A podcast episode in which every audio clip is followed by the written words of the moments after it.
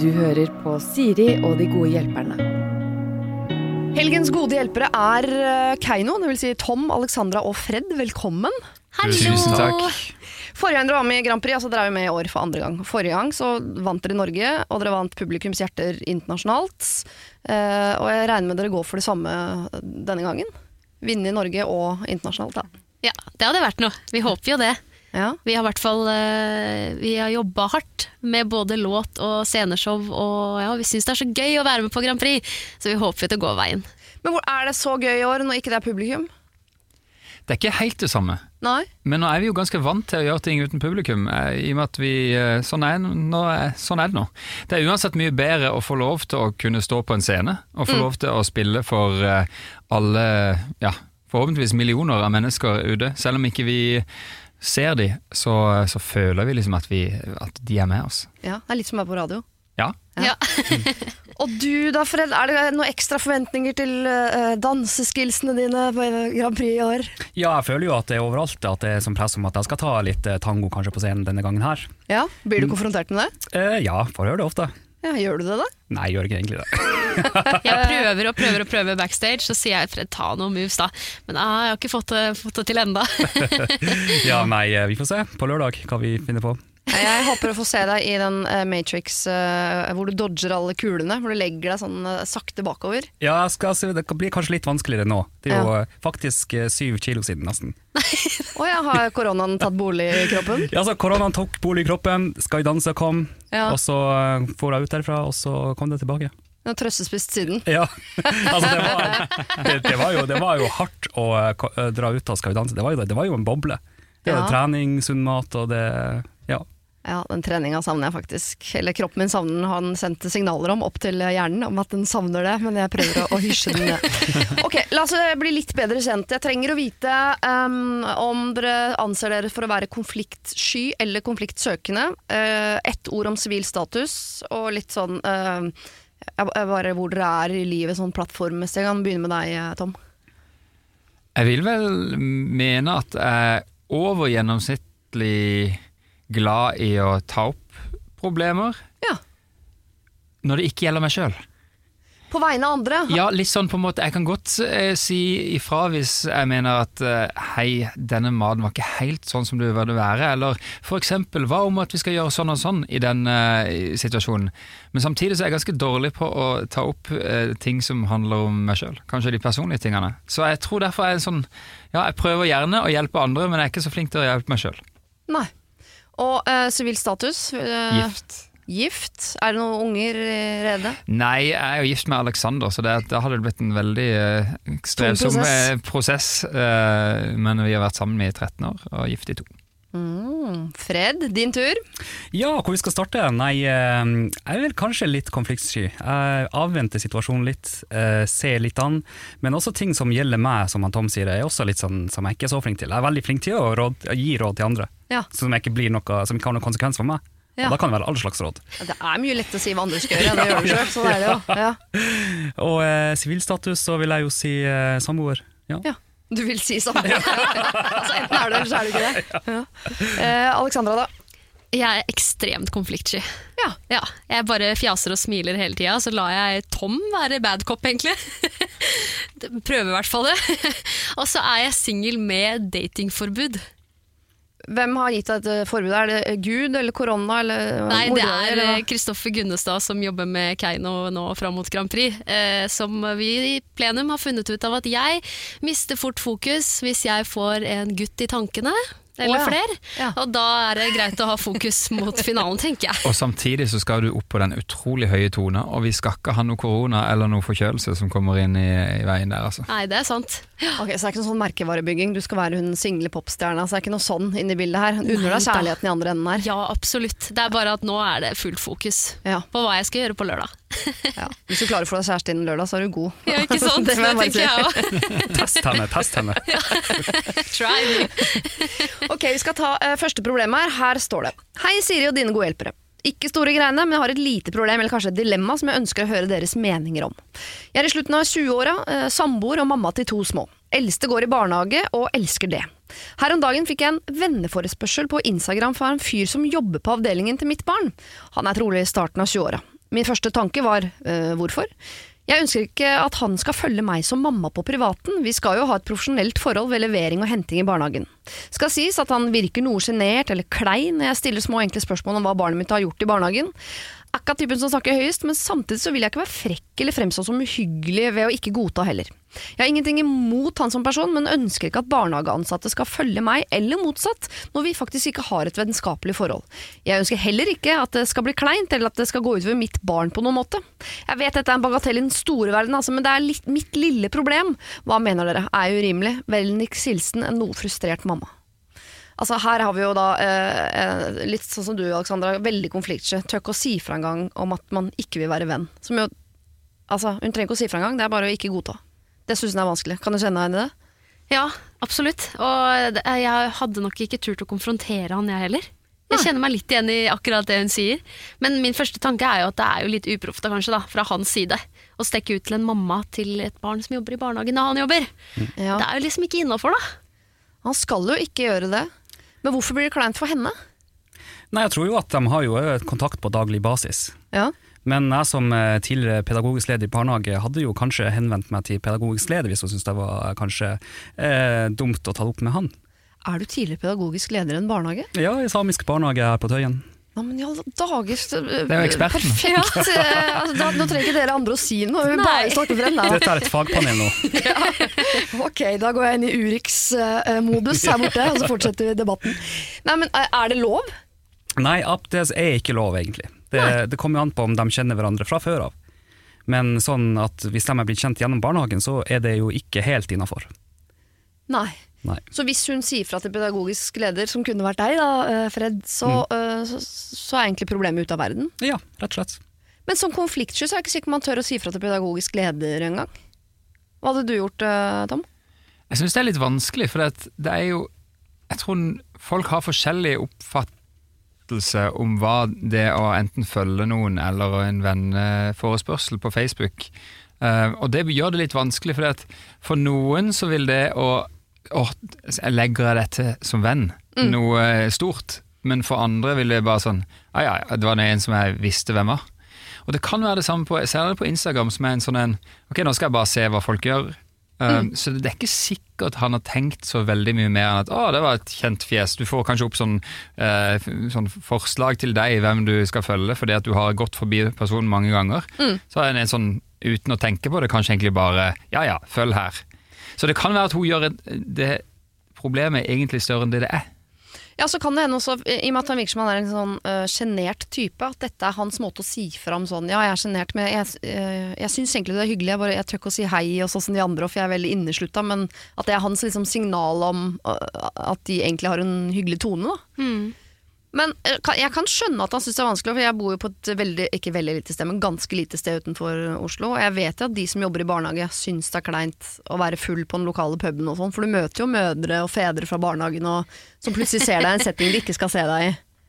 Så jeg kan skjønne at hun ikke vil at han skal se, men er det så farlig da? Altså, hvis hun går til pedagogisk leder da, Fred, så det blir jo kleint for han. Da vil jo han få kjeft og Men eh, da kan jo pedagogisk leder foreslå det på en planleggingsdag eller på et avdelingsmøte at vi skal prate til hvordan eh, forhold vi skal ha til foreldrene, og legge en mal, en plattform, hvordan, vi skal, hvordan kontakt vi skal ha med foreldrene.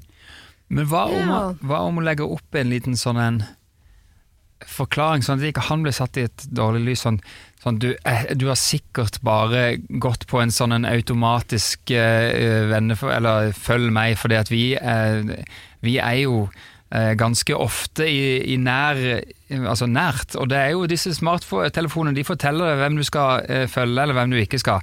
Så kom bare en sånn en, du jeg fikk opp en sånn en, et forslag om å følge det på Instagram, Ja. så jeg tenkte bare at eh, vi la oss bare holde det eh, sånn, pri, sånn ja, ikke på privaten. Rett og slett bare liksom fleipe det vekk litt, grann, sånn har han muligheten til å ja, det er sikkert bare noe som har automatisk kommet.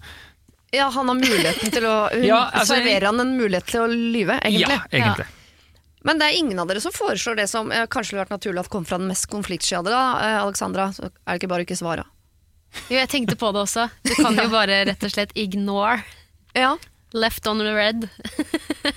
Fordi da er jo det litt kleint eh, første gang de ser det, men det blir jo ikke kleint før han eventuelt tar det opp, og det virker ikke som han er typen til å gjøre. Mm, det er sant. Så det er jo kanskje, ja. Det hadde nok jeg gjort. Bare når- latt det være. Men når du begynner med det der, for jeg tror jeg har kanskje sånn 1500 ubesvarte venneforespørsel på eh, Facebook. Og hvor Nei, men det er liksom sånn Jeg har også 25 000 uåpna mail, så det er ikke det at det er bare at akkurat der er sånn prokrastinering, er det ikke det? Jo. Og når du først begynner med det, så er det sånn Du kan liksom ikke skal du svare da etter x antall måneder, eller hva skal du gjøre da? Men det du kan Det gjøre, er at du kan slette forespørselen. Så Ja. hvis han da Ah. er så ivrig og går inn på profilen igjen, og så står det Så kanskje han bare ser at 'oi, trykka jeg ikke 'legg til som venn'? Nei, nei, men da lar vi det bare være. Kanskje han faktisk får en sjanse til da, ved å slette forespørselen. Ja, og hvis han tar det opp, så går det an å si sånn Å ja, vet du hva, men jeg tror det er en sånn barnehagepolicy på at vi Ja, for da At vi skal skal ikke ha den ja. relasjonen. Det plager ikke meg. Altså, jeg, bare, jeg prøver å være en øh, Gjøre Ja. det som er riktig, og du vet, jeg går ikke på rød mann, jeg er en sånn type. Mm, for da redda du henne ut første gang, på en måte. Ikke Ja. sant? Så det er egentlig ikke å være konfliktsky, det er egentlig bare å være litt sånn grei. For hun er jo grei mot han nå, hvis hun bare ignorerer hele greia. Ja. Absolutt. Ja. Så eh, A. Ignorer, eller B. Gå til leder. A.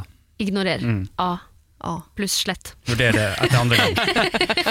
Ignorer med mer. Ja, du kan jo velge selv, og har i hvert fall fått noen alternativer av oss til hva du kan gjøre. Vi skal over til eh, ekseproblematikk. Eh, eller egentlig sjalusiproblematikk, hvis det er noen som kan sende seg inn i det. da. Hei, står det. Jeg har et uh, Du ler, Alex, eh, Alexandra? Ja, gutta så på meg med en gang. Jeg skjønner ikke hva de vil fram til.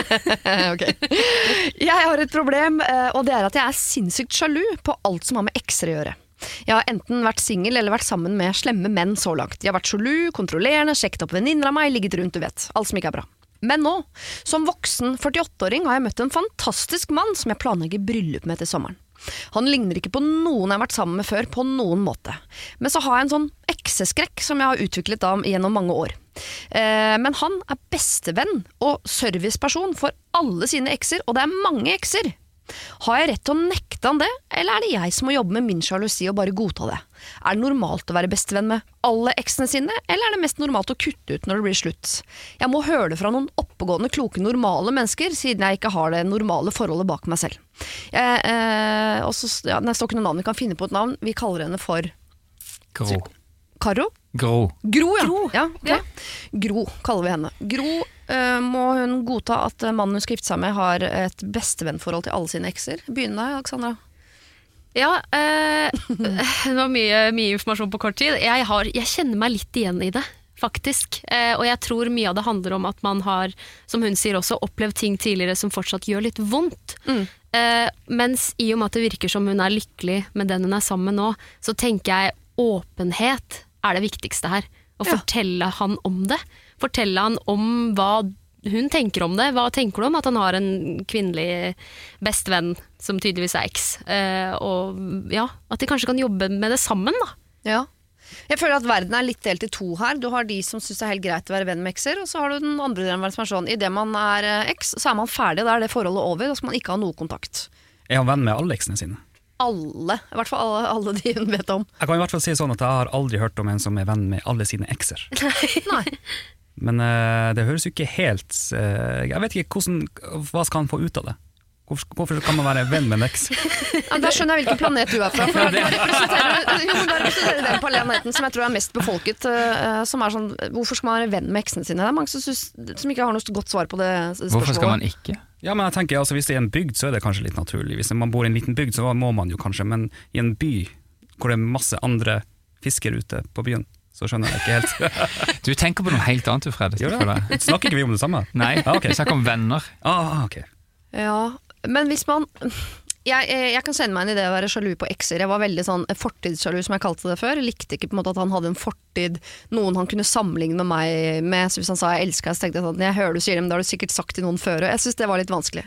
Eh, så jeg kan kjenne igjen den biten av det. Men nå er jeg så eh, heldig å ha en mann som ikke er interessert i å være venn med noen av eksene sine, for det tror jeg, jeg tror ikke jeg hadde takla det så veldig bra. Eh, men i en utopisk rosa fin verden så hadde det vært fint om alle bare kunne være venner med eksene sine. For selv om man ikke er forelsket i det lenger, og selve kjærligheten ikke fungerte, så er det jo ofte mennesker man har en god relasjon til, som man like at kunne vært venn med. Absolutt. Men når man allerede da kanskje har en dårlig erfaring fra før av, så bør man kanskje begynne med Begynne der, da. Og få vekk de tankene, og så kanskje senere akseptere at man blir venn med eksen. Ja. Ja. At det, det bunner kanskje litt i usikkerhet, i hvert fall fra hennes side. Det, men det, Absolutt. ja, jeg tror nok de fleste altså, Sjalusi i Først og fremst handler jo om Ofte det du sier. Det handler om usikkerhet, og det er kanskje usikkerhet på det forholdet de har. Så spørsmålet er hvis er forholdet veldig bra? Hvis forholdet er veldig bra, så tror jeg det kanskje man må heller jobbe med å se det, og ikke se det man ikke har. For det er jo en grunn til at han har valgt henne. Og det er over alle disse eksene. Det er jo fordi at hun er jo faktisk en bedre versjon. Og hvis han har vært gjennom mange, da, som det høres ut som, så bør han i hvert fall ha veldig godt sammenligningsgrunnlag. Og da, tenk hvor mange hun da har faktisk slått på eh, veien til å da eh, være kjæresten eller eh, ektefellen hans. Så jeg tenker at det er egentlig det, det, det første, men jeg ville også kanskje sagt som, som Alexander på en fin måte. En sånn en Du, altså jeg er så utrolig eh, glad for dette forholdet, og bare så du vet det, så så jeg prøver å jobbe med det, men jeg, jeg syns det er litt vanskelig med dine ekser. bare så du vet det. Det er ikke fordi at jeg er sur, altså, jeg ønsker ikke å lage noe Jeg prøver, jeg jobber med det, men Ja. bare så du vet at dette er noe litt vanskelig for meg. For Da tror jeg det er mye lettere for han også å kanskje revurdere forholdet til eksene. Altså kanskje revurdere hvordan han prater med, eller eventuelt er det den veldig lange klemmen når han treffer en eks, eller er det bare en hein? For det er jo klart at hvis, han, hvis man er, er obs på det, så tror jeg det er lettere for, for alle sammen. Men det er jo definitivt noe at man må prate sammen her. Han må jo i hvert fall være venn med disse eksene sånn som han er venn med de andre vennene sine. Altså sånn At de godt kan være en gjeng. Det er ikke sånn at han vasker ekstra når akkurat de kom på besøk. Jeg tenker hvis det er litt sånn Jeg hadde ikke takla at min kjæreste var sånn, litt sånn hemmelig venn med eksene sine. At det skulle alltid bare være de to, og de gikk på litt sånn dateaktige eh, greier sammen. Det hadde jeg tak- ikke takla. Men hvis det var i en vennegjeng, og de var med, og alle var med, og jeg fikk bli sendt med de, og de var kule mot meg, at det bare på, da går det bra. Så jeg tror den der åpenheten og ærligheten begge veier, at hun er ærlig på at jeg syns dette er vanskelig, Mm. men at han også er sånn åpen og ærlig på at dette er vennene mine, skal vi dele? På en måte. Sånn at de blir venner alle sammen. Mm. Ja. Så ikke de bare blir sånne mystiske eksefigurer som han driver og baler med der borte. Nei. Uh, jeg er veldig glad det ikke er meg, men ja. også. skal, veldig glad at hun skal gifte seg, da. Ja, Ja, gratulerer. Det er så gøy. Gratulerer med det. Mm. Eh, tilbake til et sånn eh, familie- og barneproblem her. Em, her står det. Jeg kommer fra en liten familie som i tillegg bor nokså spredt i landet. Det er ca. tre timer mellom meg og min søster, og det samme mellom meg og min mor. Ironisk nok så er det ca. tre timer mellom dem også, så du kan si at vi har laget oss en slags geografisk trekant. Det betyr at vi ikke ser hverandre så ofte, men når vi ses er det veldig hyggelig. Min søster og jeg er halvsøstre, så vi er ikke så veldig tette, og, øhm, og våre menn er ikke noe perfekt match, men det funker fint. Så var det barna. Selv har jeg tre barn, min søster har ett. Eh, hun, hennes eh, barn er på alder med min mellomste, og sånn sett skulle man tenke at de kunne være venninner. Men det er de ikke. Eh, de leker overhodet ikke sammen. Vi har vært på turer sammen og virkelig prøvd, men det skjærer seg alltid. Min niese er verdens skjønneste unge, men også ekstremt nærtagen. Min datter derimot, hun går rett på, samme hva hun støtter på. Det sier seg selv at det krasjer av og til. I vinterferien kommer min mor etter planen på besøk, og barna gleder seg veldig til å se henne. Men nå foreslår hun at hun skal ta med seg denne niesen hit, sånn at hun kan tilbringe vinterferien her sammen med oss. Men det blir jo bare jobb! Det blir jo jeg som hele tiden må gå brannslukke mellom de. Jeg vet at verken hun eller min datter vil dette. Det er bare bestemor som har et ønske om at de to skal bli venninner. Så jeg har sagt nei. Men så fikk jeg dårlig samvittighet. Jeg vet at mamma vil være sammen med alle barnebarna sine, og jeg vet at min søster kunne trenge en pause, hun har prolaps. Men skal jeg ødelegge ferien for alle andre, spesielt meg selv? Kall meg Monica. Her er også, eh, som du sa, mye informasjon på kort tid, Ja. eh, Alexandra. Men plutselig, altså man har gleda seg til en rolig vinterferie, og så plutselig så dumper de inn da eh, et ekstra menneske som også er et fantastisk menneske, men som ikke eh, bidrar ikke til en god stemning i gruppa, da. Hvis hun sier det, og sier at det er egentlig ikke noe barna har lyst til i det hele tatt, at dette er kun eh, hos sin mor, så vil jeg si at eh, da må du heller du må tenke på barna først. Det er ikke sånn at alle nødvendigvis skal bli verdens beste venner. Og altså, barna er jo eh, De er jo små mennesker som har sine personligheter, og man skal ikke trøkke på et eh, bestevennskap når det ikke er naturlig. Så jeg ville sagt tenk på barna først. Hvis ikke de har det greit sammen, ikke la de leke.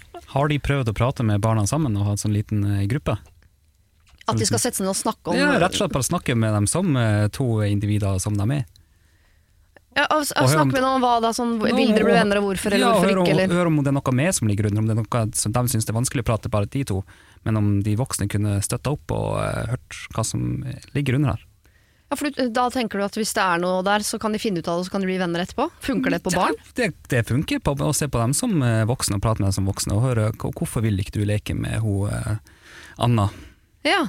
og bare liksom prøve å, om det er noe de ikke klarer å prate med hverandre om sjøl. Ja, for Er det ikke også litt sånn storbyluksus å si sånn ja, hvis ikke de vil leke sammen, så leke med noen andre? Eh, Altså Bor man litt mer sånn grisgrendt til, så er det jo på en måte bare Du må leke med de eh, som bor der hvor du bor, uansett om det egentlig er noe god match eller ikke. Man, man lærer seg jo å omgås de man omgås. Så ved å bare ikke være sammen i det hele tatt, så kommer jo disse to kusinene som de er aldri, i hvert fall aldri til å bli venner. Mm. Og så er lurer jeg litt på hvor lenge siden det er siden de så hverandre sist. For hvis det er en god stund siden, så er det jo kanskje litt dumt også å gå inn med en holdning om at dette kommer ikke til å funke uansett, før man kanskje har prøvd en gang til. da. Hvis det er f.eks. et halvt år siden de så hverandre sist, så kan mye ha skjedd på, de, eh, på den lille tiden der, vil jeg tro. Og så tenkte jeg liksom med en gang kanskje de skulle testa ut en felles aktivitet som gjorde at ikke alt fokuset lå på 'nå skal dere bli venner', men at det er en aktivitet alle bidrar med, så kanskje de kan finne noe glede sammen, uavhengig av at det bare er de to, da. Tenker jeg. For eksempel, nå tenkte jeg på aking. Det var liksom det første jeg tenkte på. Er. Ake Ja. er kjempegøy, og hele familien kan være med. Kanskje ikke eldste mamsen, men eh, resten av gjengen kan. Og da er det liksom en greie de gjør i plenum, og ikke bare de to jentene sammen. Mm. Kanskje, da. Men kan dere skjønne mor her som har sett for seg liksom sånn ganske rolig vinterferie med mannen og ungene, og, og til og med kom mamma på besøk, så kan kanskje sitte litt barnevakt, og, og så plutselig så, så føler man at man skal på jobb i hele vinterferien istedenfor. Absolutt. Plutselig det- skal man være pedagogisk leder i den barnehagen det jo blir. på en måte sånn Men kanskje det ble en investering for fremtida, da? Sånn som Alexander sier, det var, du var, det var veldig, der var du Hvor god. kom det fra? Der var du god, altså. Ikke har jeg barn, og Eh, ikke nei. er jeg mann eller noen ting. Men altså, det som du sier, å, å, å introdusere en ny ting, da. Men det kan jo være noe som er noe helt nytt. For eksempel, ok, nå skal vi bygge en hytte. Eller eh, vi skal begynne å bake, vi har aldri gjort det før. Nå, er det dere, nå skal vi begynne å bake sammen. Dette Ja. blir gøy, så kanskje de kan finne noe eh, Ja, en sånn at For da er ikke ting. fokuset på liksom, kommunikasjon mellom dem to hele tiden. Da er det liksom noe annet som er hovedfokus, da. Ja, ellers så har jeg også hørt at det ofte kan lønne seg å ha en felles fiende, så kan jo prøve å gjøre med en av de andre småsøsknene. Se om de kan møtes der. Få en dommer i midten, ja. Men hvordan gjør dere det i barnehagene da, Fred? For dere vil jo sikkert oppleve at på øh, enkelte avdelinger så er det noen barn som overhodet ikke går overens, som til stadighet øh, slår hverandre i bakhodet med legoklosser og hva som måtte være. Mm, Hva gjør som, man da? Det er jo som Alex sier, at man, skal, man kan finne sånne felles interesser. Eh, man kan uh, finne på ting å løse sammen, et problem. Mm. Og man kan også uh, ja, prøve mindre grupper, prøve alene og litt større grupper. Ja. Og så ikke ha som hun Alex sier, ikke ha så stort press på at de på absolutt må bli venner, men la de finne hverandre sjøl. Kan også være greit å ha en sånn forventningsavklaring med bestemor i forkant. Si sånn, ikke mas sånn på de ungene. da. Hvis de plutselig sitter i hvert sitt rom i tre timer og holder på med hver sine greier, så det er ikke noe vits at man liksom hele tiden det er, Jeg tror unger også synes det er slitsomt at det er noen som hele tiden skal sysselsette det med et eller annet hele tiden. De har også behov for å bare Det er ikke sant hver gang jeg sitter og leser avisen, så trenger jeg ikke hjelp til å gå og gjøre noe annet. Måte. Bare la de være, liksom. Og så kan de foreldrene også spørre om det er f.eks. noe annet, hvis hun er flink til noe som hun, eh, Petra vil lære, så kan hun også vise eh, at så får hun kanskje litt mestringsfølelse på å vise henne hva hun er flink til. Og så kan hun, Petra gjøre det samme, at hun også viser Anna en ny ting. Men merker ikke barn sånn at sånn, nå skjønner jeg hva dere voksne driver med. Nå prøver dere å få oss til å bli venner, ikke sant? Og hvis man har litt trass i seg da, nå prøver jeg bare å sette meg inn i meg selv som barn, vil jeg tenke sånn, ikke faen. Ja, men de må, men de, men de må bare trikse og føle at det skjer på deres premisser. Ja. At de ikke skal føle tvang til å bli venner. Så det høres ut som det er god stemning for å ta med niesa i vinterferien. Ja, Eh, alle er velkomne, tenker jeg. ja. Gi dem en sjanse. De er barn. Men å ha en plan på det, kanskje. Ja, ha en plan, ja. Eh, Finn på noen ting som de kan gjøre sammen som er gøy, men ikke stress det eller press det på noen som helst måte. Er det noe denne kusina er god på, som kanskje kan lære eh, bort når du kommer dit? Kanskje ta en prat sammen, sånn som man snakker til voksne. Høre liksom hvor, hva er det som ikke fungerer, om det er noen grunn til det. Jeg vil ikke begynt der. Nei. Nei, det, det ville jeg tatt Når det har skjært seg, vil jeg kanskje tatt Hei og velkommen til vinterferien. Så eh, i hvert fall kan vi bare si det til eh, Monica da, at hun må nok dessverre ringe tilbake til mammaen sin og si eh, sorry at jeg sa nei. Selvfølgelig skal niesen også få lov til å være med hit på vinterferie. Ja. Ja. Jeg tror ikke det var det hun ville at vi skulle si, men Og lykke til, sier vi da. lykke til. Det kommer en vinterferie neste år òg. Ja, ja, ja. ja, ja, ja. Ok, her står det. Kjære flotte Siri. Åh, ikke skriv det. Sorry, det ville jeg aldri lest høyt hvis jeg hadde lest på forhånd. Herregud, så flaut. Kjære Siri, leser jeg. Hennes gode hjelpere. Jeg har et problem. Kall meg Siri. Hun vil hete Siri også. Kall meg Siri, og han for Ole. Vi er i midten av 30-åra. Jeg har en datter på ti år. I våres var jeg på date med en interessant fyr. Både kjekk, spennende personlighet. Han så meg virkelig, han lyttet, og jeg ble så overrasket med tanke på at de jeg har datet før, har vært drittsekker som bare tenker på seg selv. Vi kunne ha gode diskusjoner, vi likte den samme musikken, ja, osv. osv. Jeg følte meg verdsatt og var virkelig lykkelig på kjærlighetsfronten, noe jeg ikke har vært på mange, mange år. Jeg fikk litt følelsen av at han var liksom tiltaksløs type, at han ikke var så flink til å ta initiativ. Det var alltid jeg som ba han, men han takket jo alltid ja, og han kom, og han ga 100% av seg selv, og, og, så jeg la ikke så mye vekt på akkurat det. Så kom sommerferien, og han skulle være sammen med sine barn i mange, mange uker. Jeg reagerte på at jeg ikke hørte noe fra han i disse ukene, i form av snap eller egentlig noe som helst. Så etter ferien så skjønte jeg at han kom ikke til å ta noe initiativ til å møte meg igjen. Så da inviterte jeg ham på middag, og han takket ja, og vi hadde en flott dag. På kvelden så ligger vi og koser, og jeg eh, sier at jeg er ikke i tvil om at du liker meg, men jeg syns det er rart at du ikke tar initiativ til å høre hvordan det går med meg, eller til at vi skal møtes, eller Altså, er du forelska, så gjør man jo det. Da beklaget han seg og sa jeg er nok ikke den du forventer, jeg kan ikke gi deg det du forventer, og han var redd han hadde tatt seg vann over hodet med å gå inn i et seriøst forhold. Så dagen etter ga han meg et kyss før han gikk på jobb, og det er siste gang jeg så han. Så kom høsten, og jeg fikk en melding. Han var så lei seg. Han hadde tenkt- mye på at han burde ha sagt face to face at han klarte ikke dette. Eh, Han trodde han hadde vært klart for, et forhold, men han hadde funnet ut at han var ikke det. Men eh, Han hadde hatt det helt fantastisk sammen med meg, men han måtte avslutte det. Jeg, fikk, eh, jeg jeg snakket med han på telefonen, og det var en god samtale, men han sa meg at han ikke kunne gi meg det jeg trengte. Men jeg ble forvirret. Jeg forklarte at jeg respekterte dette, at jeg skulle la være, eh, han være i fred, noe jeg gjorde. Jeg forklarte tidlig den sommeren at jeg ikke ønsket noe seriøst forhold til han heller, at det kunne være bare oss to, at vi kunne dra på ferier og tilbringe helger sammen av og til osv. videre. sånn som vi hadde det den korte tiden vi var sammen. Men nå sitter jeg her, da, og jeg klarer ikke å glemme han. Jeg har prøvd å tenke på de negative sidene ved han, men det hjelper ikke. Eh, nå er vi i februar, og dette sitter i fortsatt. Jeg har han på Snap, noe som kanskje ikke er så lurt, så jeg vurderer å slette han der, men jeg får meg ikke til å gjøre det. For jeg vil jo ikke glemme han heller. Hva ville dere gjort? Vil dere ha jobbet for dette, eller vil dere ha gitt han opp? Hilsen rådvill og frustrert. Jeg må si at dette, eh, som jeg sier ganske ofte her i dette programmet, dette var en eh, roman som jeg har kuttet ned til stikkordsform. Eh, så eh, det, det var en lang, lang historie med mange x-er og y-er og, og delsetninger og tanker og følelser. Eh, men dette er summen av det. Hun klarer ikke å glemme han. De hadde det fint den korte perioden de var sammen. Hva skal hun gjøre? Ja, hva skal hun gjøre? Det er veldig, man hører veldig ofte om sånne historier, og det er så synd når det blir sånn at en liker den andre mer enn den andre liker deg tilbake, for da blir det så vanskelig. Ja. Men jeg tenker jo umiddelbart at her er det hun som må jobbe med å glemme han, i motsetning til å prøve å få fram noe som ikke er der. For da kan det jo hende at hun blir såra igjen, hvis han blir sånn Nei, men vi gir det en sjanse, og så blir det kanskje igjen at han ikke ja, føler at det er en gnist der, da. Så jeg tenker umiddelbart at jeg hadde nok jobbet med å prøve å glemme han. Ja. For det fins flere fisk i havet, selv om det føles litt håpløst av og til. Ja, dere påstår det. Dere påstår det. Jeg tror det er også lurt å slette han.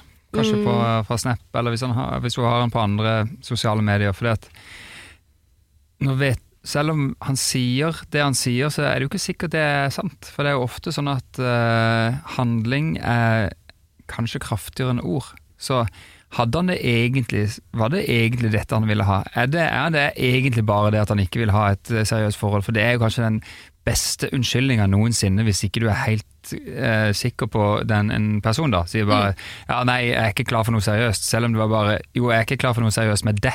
Var det det jeg egentlig mente? Mm. Ja, ja. Så jeg tror nok det å bare gå videre, jeg tror jeg er definitivt Mm, det riktige. absolutt. Er det ingen av dere som er romantiker som tenker at man skal kjempe for kjærligheten? Nei, det slutta jeg med for lengst. Ja, men- Det funka ikke, jeg tryna så mange ganger at det gidder jeg ikke lenger.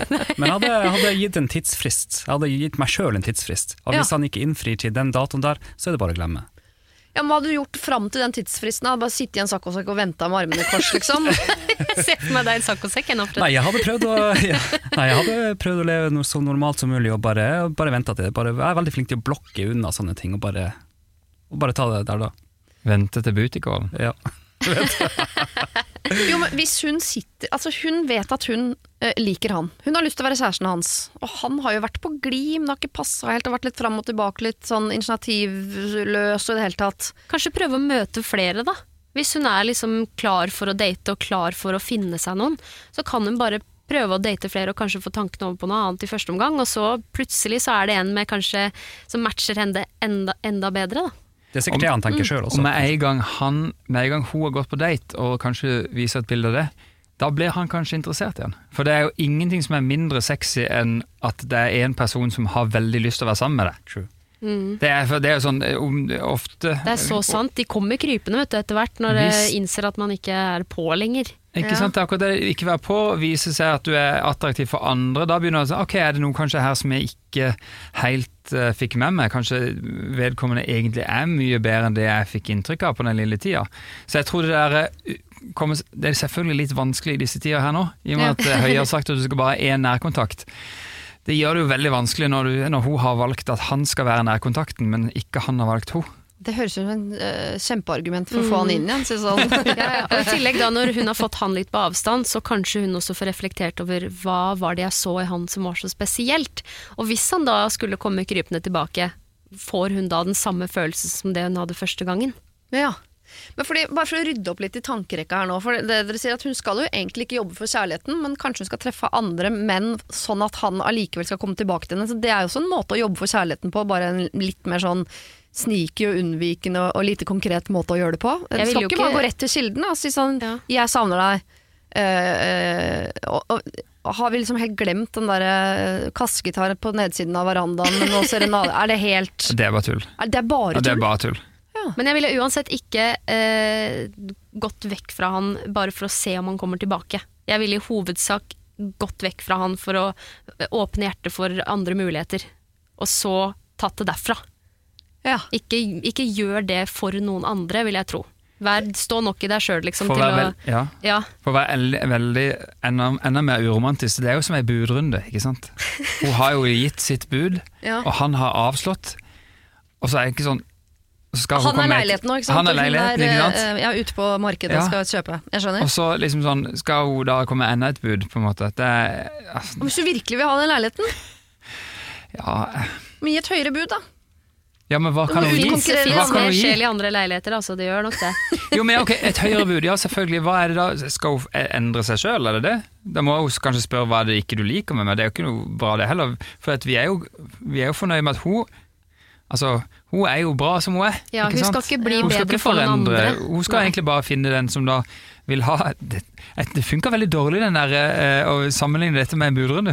Ja, Men altså, eh, det er mange fisk i havet, det er mange Ja. leiligheter på boligmarkedet. Altså, vi kan jo bruke hvilket bilde vi Sant. vil. Eh, Ja. Det prøver å si at det fins andre menn for henne. Ja.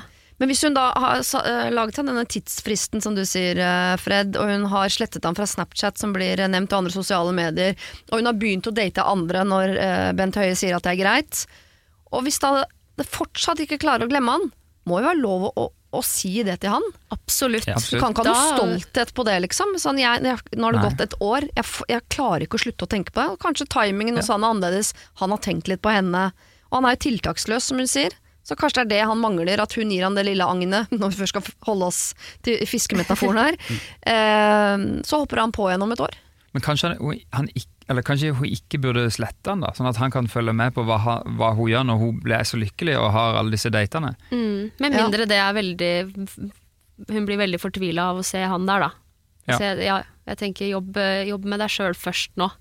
Og så Ja. ser du hva som skjer etter en gitt tid. Så prøv å glemme han, men sørg for at han ikke glemmer deg. Ja. Er det det vi sier? Mm. Ja. Mm.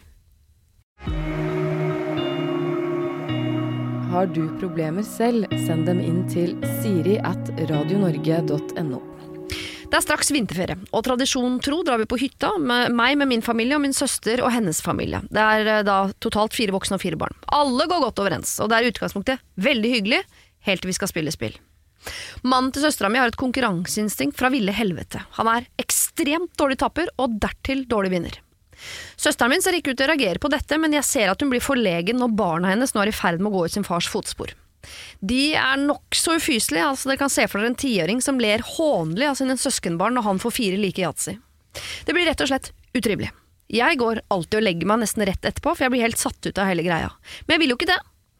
Så i år skal jeg rydde bort alle spill, vi kommer opp på hytta dagen før dem. Skal jeg nekte å bli med og spille, eller skal jeg si fra? Jeg har prøvd det før, altså, men da er det plutselig jeg som er dårlig taper, ifølge han. Og dersom jeg irettesetter barna hans, ja, så blir han ordentlig hissig. På vegne av mine, Katrine. Nja, nok en hyggelig hyttetur på fjellet, folkens. Katrine sa det jo sjøl, men jeg fikk litt inntrykk av at Katrine var kanskje litt dårlig taper, hun òg. Hvis hun syns det er sånn hver gang de spiller spill. Ja, jeg har alltid sagt at jeg syns alle andre er så dårlige vinnere og tapere, og så har jeg fått beskjed om at kanskje du er litt dårlig taper, men jeg blir altså så sur når andre er dårlige tapere og vinnere. Da, da, da blir jeg det òg. Men det Men du. Alexander, du er jo ikke den verdens beste vinner. Nei, det er, for, ja, det er faktisk sant. Jeg jubler litt ekstra høyt hvis jeg vinner nå. Ja, du hoverer, liksom. Ja, men det er kanskje fordi jeg tenkte at jeg kom til å gjøre det skikkelig dårlig, ikke sant? og så klarte jeg det, og så var det bare sånn wow, hurra. Det er ikke fordi du- jeg vil at andre skal føle seg dårlig. Du hoverer alle, det er bare det du er jo et følelsesmenneske. Og Ja. både på og blir veldig glad og veldig trist. Jeg tror nok det er jo Det er jo kanskje si det positive med det å være god vinner og god taper, at du har mye følelser.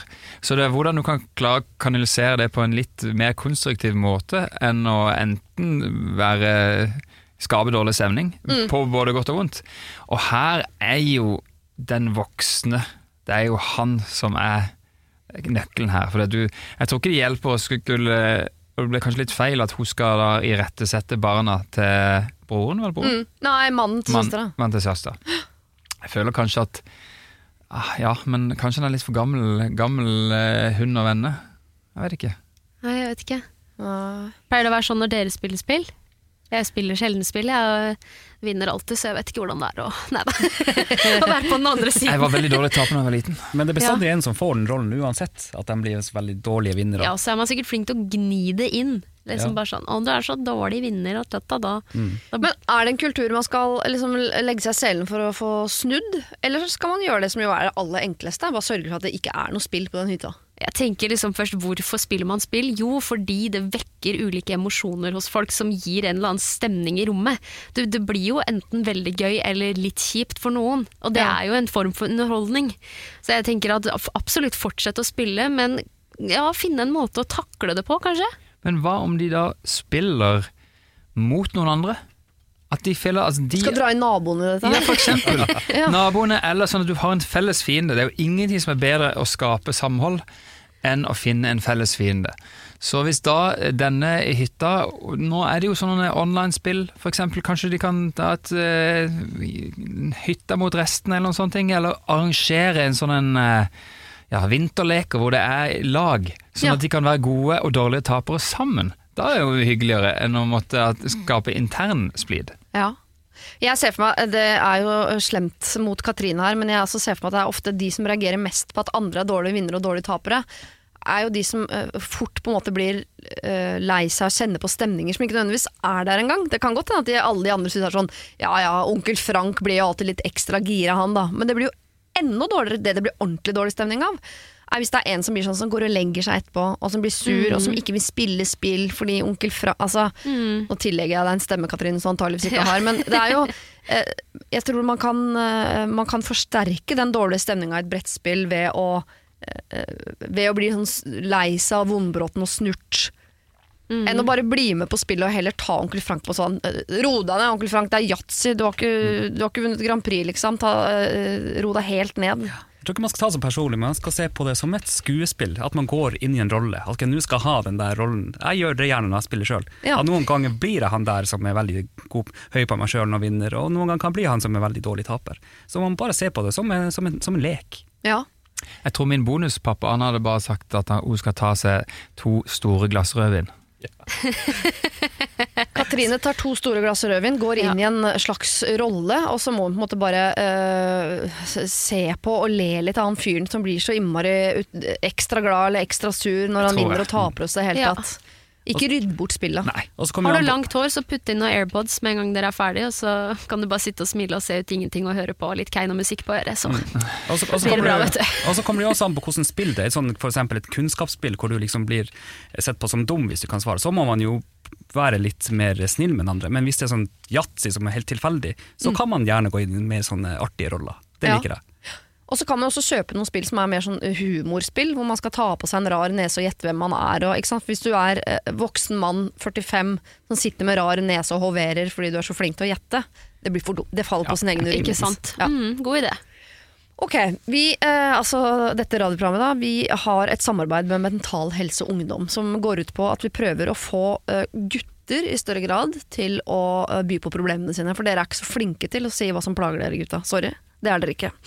Eh, og det er veldig synd, for det betyr ikke at dere har noen mindre problemer enn oss. Så Derfor så får vi en gang i uka så får vi et problem fra Mental Helse og Ungdom, og en av mennene som de har kontakt med der. Og Det er en som heter David, han er 29 år gammel, som har vært i kontakt med Mental Helse og Ungdom, eh, hvor han uh, sier jeg har verdens mest sosiale jobb som folkehøyskolelærer, men jeg er ensom på fritida, for her er greia. Hele livet har jeg følt meg usikker og utrygg i grupper når jeg ikke har en rolle. Jeg trekker meg vekk fra grupper fordi jeg blir utro urolig og kjenner meg utilpass. Jeg takler best én-til-én-vennskap. Det har vært sårt å se gjengen som har blitt formet rundt meg som ikke har klart å være en del av, selv om jeg har vært velkommen. For to år siden forlot jeg livet mitt i Oslo for å starte opp en folkehøyskole og lage min egen linje. Eh, jobben min er både kul og krevende. Jeg jobber ca. 55 timer i uka og studerer i tillegg, så på fritida er jeg ofte sliten, og da sitter det langt inne å oppsøke nye folk og by på meg selv for å bli kjent. Jeg er eh, ikke glad i smalltalk, jeg diskuterer helst hvordan verden går til helvete, hvordan vi kan gjøre noe med det, og ambisiøse drømmer. Jeg har ingen venner her jeg bor nå utenom kollegaene mine. Å holde kontakt med vennene i Oslo over telefon, nett, gir meg lite og krever mye. Jeg har lært å trives i eget selskap, men etter at hunden min døde i høst, har jeg begynt å kjenne på ensomheten. Det hadde vært fint med noen nye sunne vennskap. Å finne på sprell, gi omsorg, ha intellektuelle dialoger og tulle og liksom ikke eh, bare være på egen hånd. Men eh, dette er et lite og lukket tettsted hvor alle kjenner alle fra før, og jeg har enda ikke møtt noen med felles interesser og prioriteringer til å forme et vennskap som gir mening. I det siste har jeg tydd til Tinder bare for å treffe nye folk. No shame, men det funker. Det, eh, men det er jo merkelig om jeg får eh, venner fra Tinder, spesielt om en av relasjonene utvikler seg til romantikk. Hvordan foreslår dere at jeg kan møte folk med gjensidige interesser? Altså, eh, Spørsmålet han stiller på slutten her er jo ganske enkelt, eh, uten at løsningen er det. Hvordan får man seg venner i voksen alder? For meg, er det første som slår meg, er at, at han har veldig mye å gjøre. At han kan, har litt lite overskudd til å kunne få nye venner.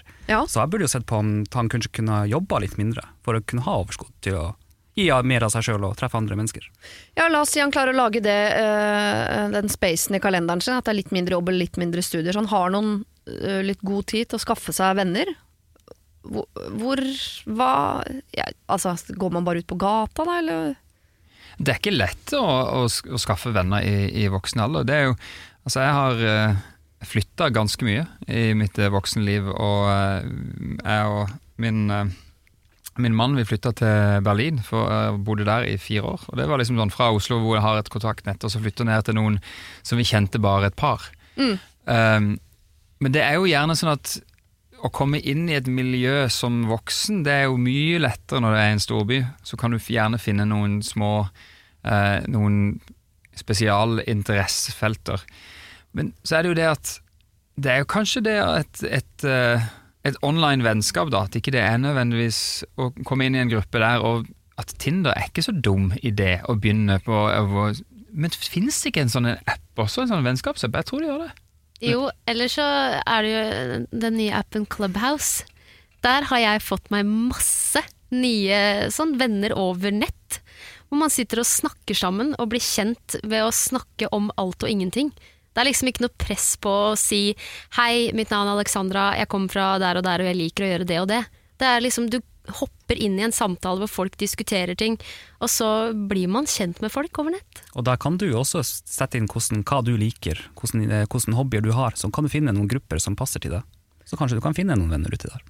Ja, Men hva, eh, hvis man vil ha disse vennskapene ut i den virkelige verden, da? Hva er den, den veien er kanskje litt lang, eller?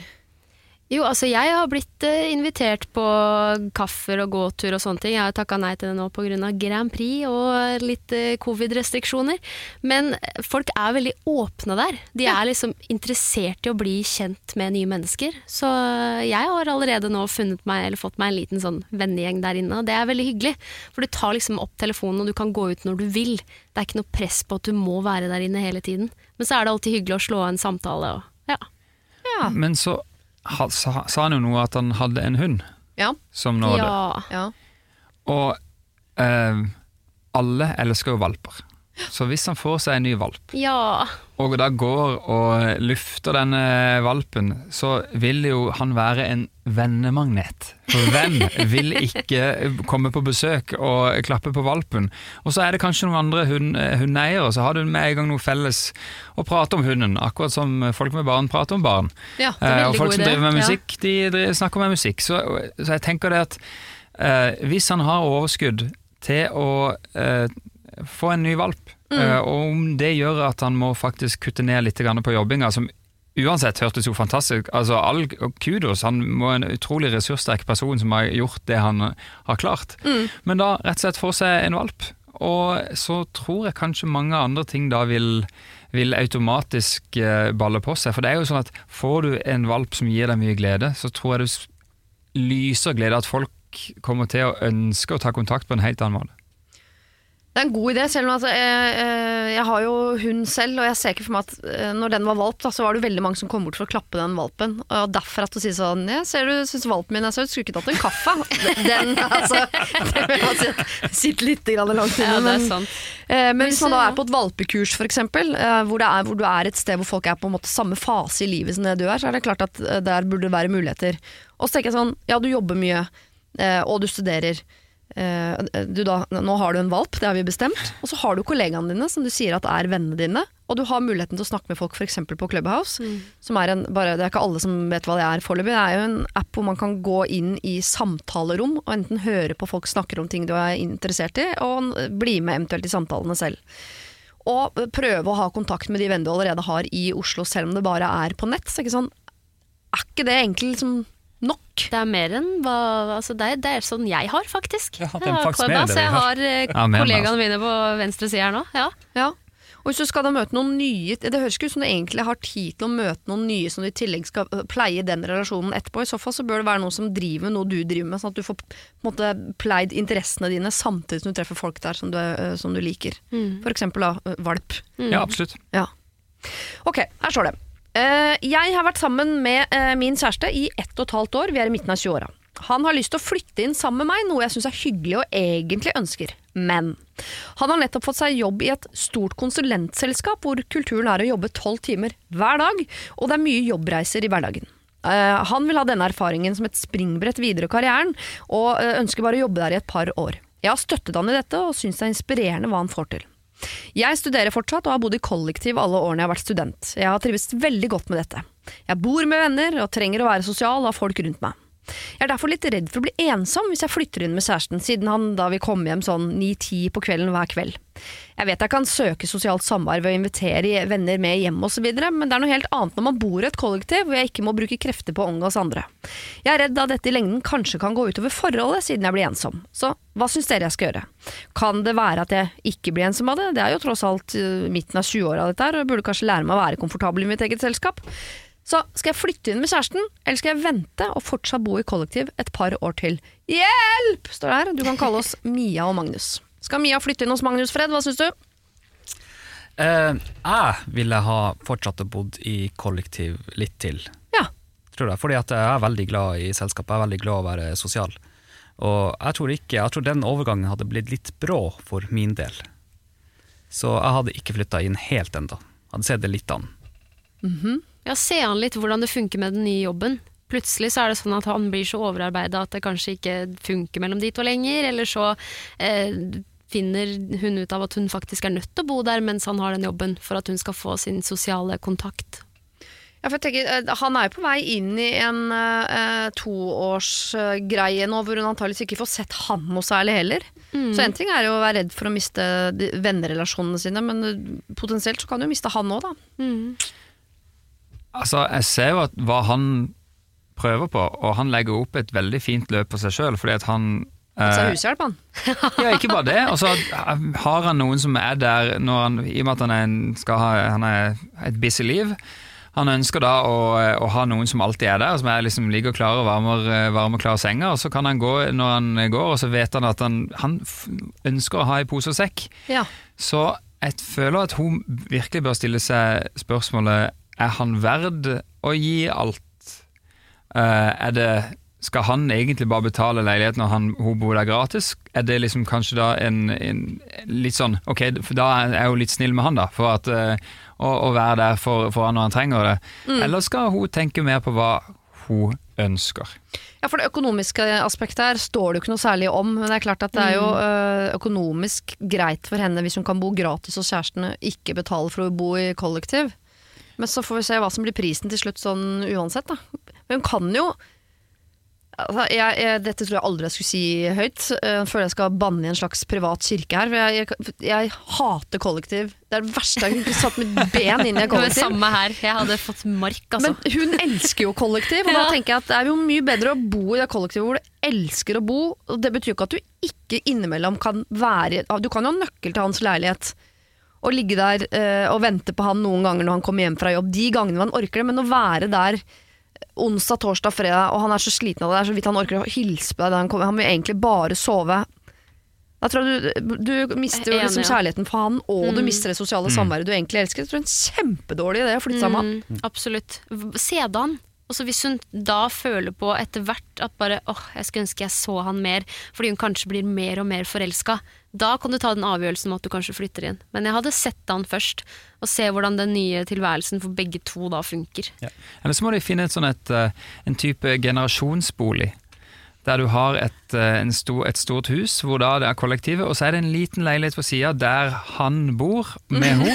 Sånn at han kan liksom, hun kan veksle mellom å være i kollektiv og så være i leiligheten deres. Eller hvorfor kan ikke han flytte inn i kollektivet? Han er nesten ikke hjemme uansett. Hvis han kommer klokka ti på kvelden og drar igjen klokka sju om morgenen. Sant. Det er Flere en- mennesker! Woho! Ja, ja, det hører jeg eh, kommer til å bli irriterende for de andre i kollektivet. Men Ja. eh, hun kommer til å savne han nå i tida framover uansett. Men om hun kommer til å savne den han kommer til å være når han er hjemmefra om klokka ti, Mm, det tror jeg kanskje ikke. nei. Se an, se an ting, hvordan ting endrer seg fremover, tenker jeg, i første omgang.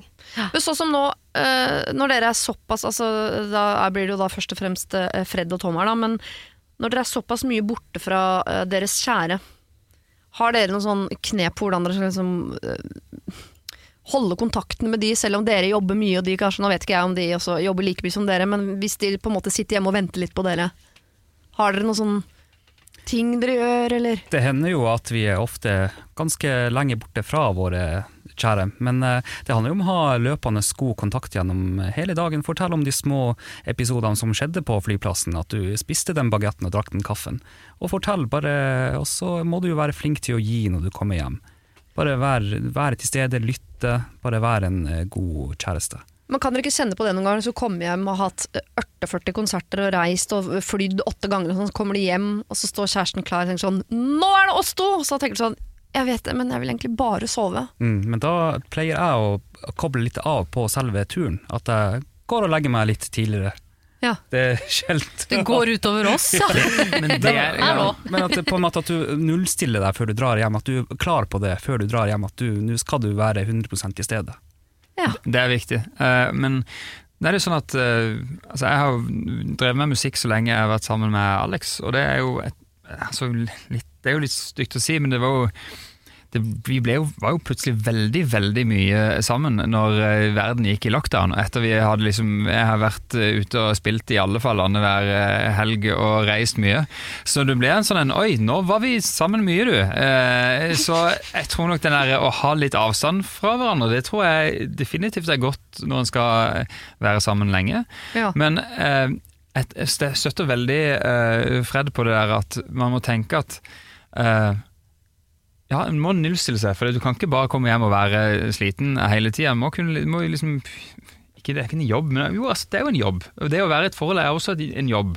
Det er, man må huske, sørge for å, å gi oppmerksomhet til, til den man er sammen med. Altså. Ja.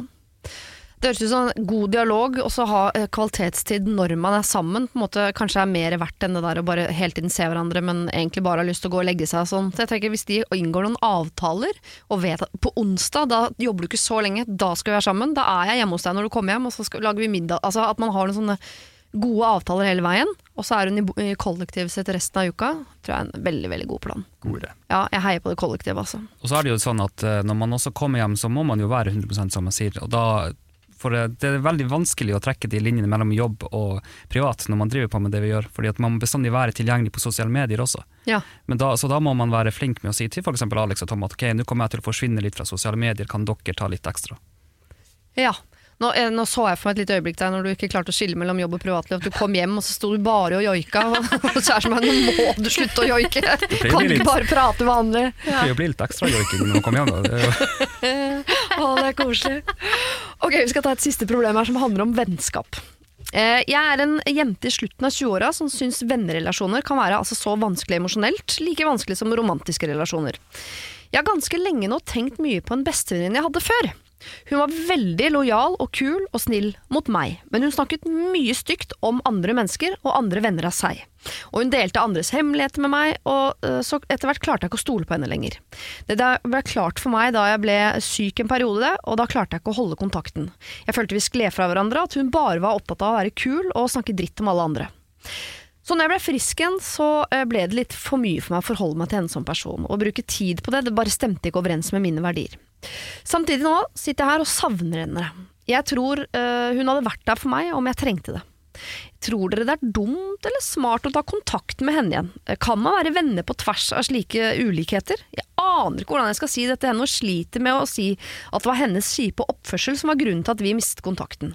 Jeg vet at hun er lei seg for at vi ikke er venner lenger. Jeg tenker også på fine minner vi hadde sammen. Jeg vet at jeg var viktig for henne. Hun var en gladjente som hjalp meg ut av mine komfortsoner, og fikk meg med på så mye rart og ting jeg ikke hadde tørt eller klart uten henne. Så det er mange fine kvaliteter her, selv om de dårlige sidene ble overskyggende for meg da. Hilsen en savnende eksvenninne.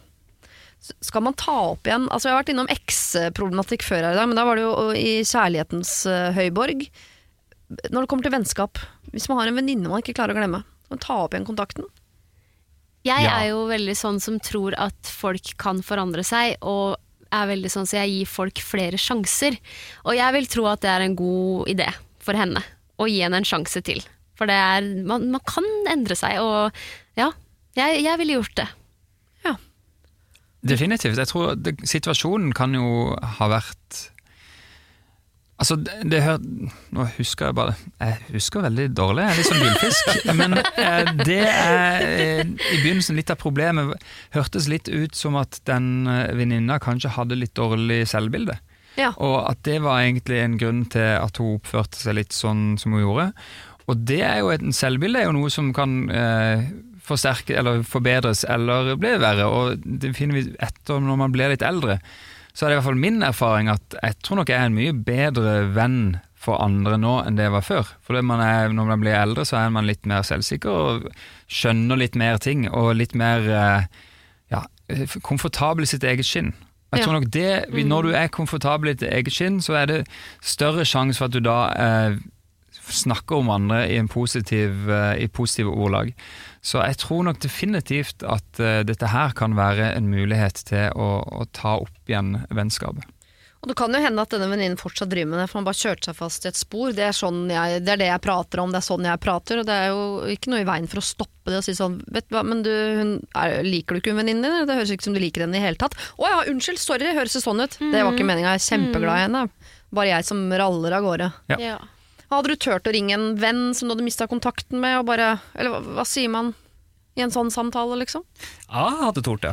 Eh, det skjer. Det har vært et par episoder hvor jeg har gjort det, faktisk. At det har vært en eh, venn fra barndommen jeg har faktisk tatt opp kontakten med. Så det, jeg tror jo at folk er jo et, er jo et kontinuerlig prosjektarbeid. Vi endres jo hele tiden. Men hvordan tok du opp kontakten igjen da? Eller var det sånn at man møttes tilfeldig og sa sånn Hei, oi, jøss, så hyggelig, skal vi ta en øl en dag? Ja, det var bare på Facebook, faktisk. Ja. Hvor jeg fikk en like, og så bare skrev jeg til han. Og så møttes vi over en kopp kaffe, og det, altså, nå skal jeg være forlover for han i august. Oi! Så jeg var god venn med han i, når jeg var barn, og så mista vi kontakten i ti år. Og så bare, var bare tida innenfor det. Så utro- Fantastisk. Altså, da trenger vi egentlig ikke å snakke noe mer om det, føler jeg. For, for å nyansere, da, så har jeg gjort noe av det samme. Hadde en venninne som jeg Altså, vi var erteris i mange år. Jeg syns hun var, hadde fantastiske sider, og sider hvor vi ikke gikk så godt overens. Og så sklei vi ganske sånn brått fra hverandre, og så ble jeg sittende og tenke sånn åh, jeg savner henne, savner henne, savner henne. Tok opp igjen kontakten, spiste lunsj, og jeg tror begge to i løpet av den lunsjen merka sånn dette trengte vi vel egentlig ikke. Og har ikke snakket sammen siden.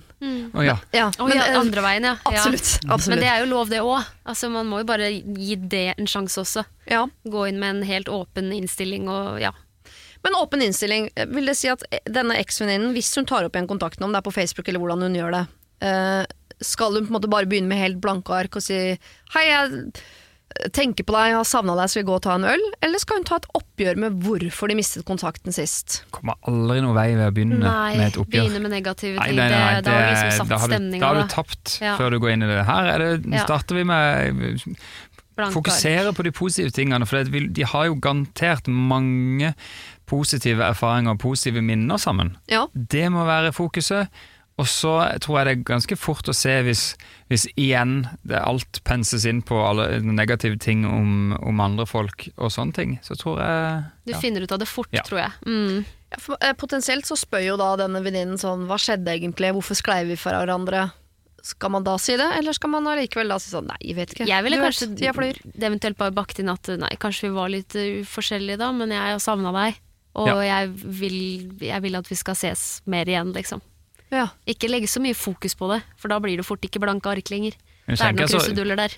Man trenger jo ikke å sugarcoate så veldig si at jeg savner det så veldig mye heller. Kan man bare si Det er at, sånn jeg eh, gjør, ja, vet du. ja, ja. Det, man kan bare si at ja, dette var koselig, og Ja. så ser vi åssen det går. Men kunne hun ha sagt noe om ja, Man kan jo bake det inn i noe hyggelig ved å si sånn jeg, 'Jeg har savnet deg, og vi hadde det veldig gøy sammen', men eh, på et tidspunkt der så følte jeg ikke at jeg egentlig kunne stole på deg. Mm. Uh, og da, da ble jeg litt redd for hva du sa når ikke jeg var til stede, og om du klarte å holde på mine hemmeligheter og sånn.